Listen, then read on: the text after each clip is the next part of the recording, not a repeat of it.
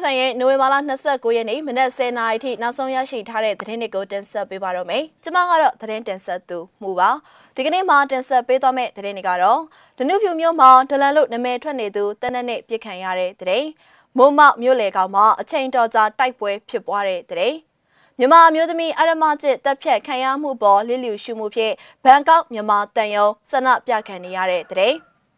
တကေတာမြို့နယ်မင်းနနာလမ်းမှာရှိတဲ့ KBZ ဘတ်မှာပောက်ကွဲမှုဖြစ်ပွားတဲ့တဲ့အစရှိတဲ့တဲ့တွေကိုတင်ဆက်ပေးသွားမှာပါရှင်။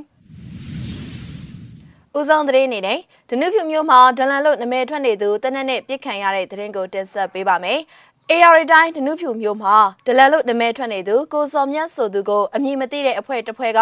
မနေ့ကညနေ6နာရီကျော်မှာတနက်နဲ့၃ချက်ပြစ်သွားကြောင်းဒေသခံတွေကသိရပါဗျ။ ကိုစော်မြတ်ဟာဆရာနာရှင်စန့်ကြည်ရေးဆန္ဒပြပွဲတွေမှာပါဝင်ခဲ့သူတွေနဲ့စီဒီယန်လှုပ်ရှားမှုမှာပါဝင်ထားတဲ့ဝန်ထမ်းတွေကိုစစ်တပ်နဲ့ရဲတွေစီကိုသတင်းပေးဖမ်းဆီးခိုင်းနေသူတအုပ်ဖြစ်တယ်လို့ဒေသခံတွေကဆွဆွဲပါတယ်။ဒနုဖြူမျိုးအမှတ်နှစ်ရက်ကွက်အုပ်ချုပ်ရေးမှုရုံအနီးမှာရှိတဲ့ကိုစော်မြတ်ဖွင့်လှစ်ထားတဲ့ဆိုင်အတွင်းပြစ်ခတ်ခံရခြင်းဖြစ်ကြောင်းဒေသခံတအုပ်ကပြောပါတယ်။ ဇော်မြတ်ရဲ့ဆိုင်ထဲအထိဝင်ပစ်သွားတာပါကြောကုန်းအောင်ပွင့်ထွက်သွားတယ်သုံးချက်တောင်ပစ်သွားတာဆိုတော့တေဖို့များတယ်ဇော်မြတ်ကကြန့်ခိုင်ရေးကယာရုခက်ကြီးကြီးကောင်းနေတယ်လဲပေါင်းနေတာဆိုတော့ပြည်သူကာကွယ်ရေးတပ်ဖွဲ့တွေလှုပ်သွားတာနေမယ်လို့ဒေသခံကပြောပါတယ်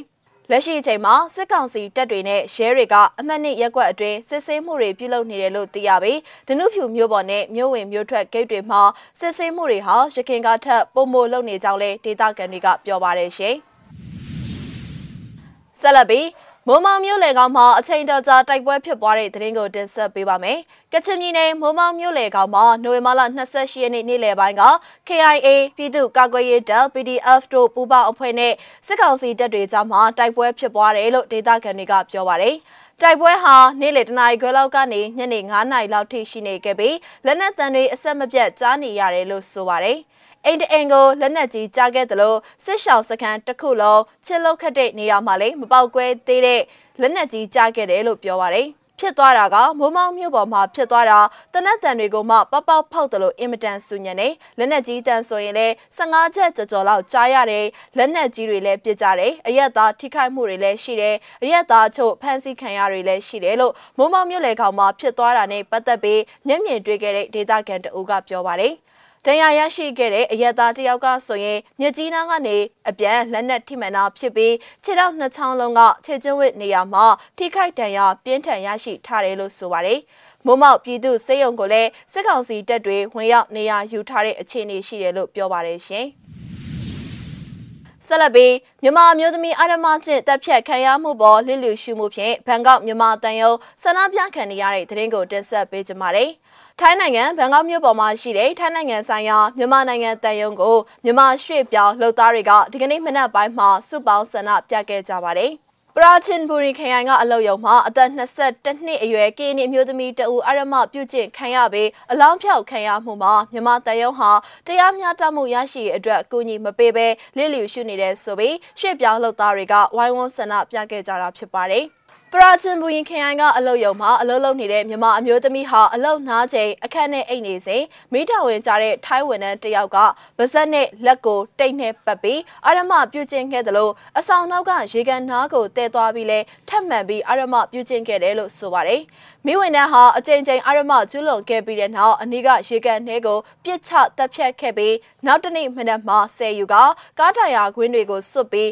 မိရှုအလောင်းဖြောက်ခဲ့တာလို့ထိုင်းသတင်းတွေက အမှုစစ်ဆေးပေါ်ပေါက်ချက်တွေကိုကိုကားဖော်ပြထားပါတယ်။တေဆုံးသူရဲ့မိသားစုဝင်တွေမြမရွှေ့ပြောင်းလှုပ်သားတွေဟာအရမကျူးလွန်သူဟာအမှုရော့ခန်းစားခွင့်တွေရရှိသွားမှာကိုစိုးရိမ်နေကြသလိုမြမအမျိုးသမီးတွေအပေါ်နောက်ထပ်ကျူးလွန်မှုတွေရှိလာမှာကိုစိုးရိမ်နေကြတာပဲဖြစ်ပါတယ်။ မြမတန်ယုံကိုဆန္ဒပြနေသူတွေကတအုပ်ကတက်တေကံမိရင်နောက်မှာတန်ယုံကဘာအကူအညီမှမရရှိတဲ့အတွက်ရွှေပြောင်းအလုပ်သမားတွေအတွက်ဘာမှအသုံးမဝင်တဲ့ဒီလိုတန်ယုံမျိုးအလိုမရှိတဲ့အကြောင်းကိုဆန္ဒဖော်ထုတ်တာဖြစ်ပါတယ်လို့ဆိုပါတယ်ရှင်။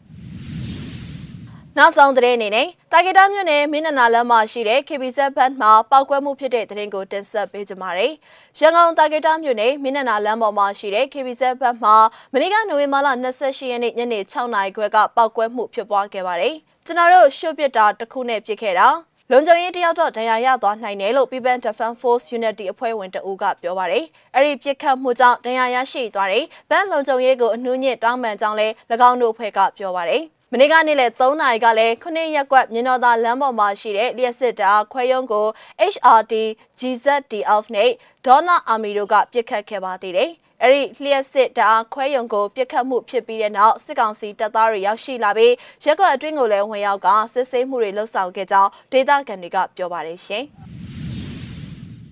One Way FM ရဲ့နိုဝင်ဘာလ29ရက်နေ့မနက်10:00နာရီထိနောက်ဆုံးရရှိထားတဲ့သတင်းတွေကိုတင်ဆက်ပေးခဲ့တာပါ။နားဆင်ပေးခဲ့တဲ့အတွက်ကျေးဇူးတင်ပါတယ်ရှင်။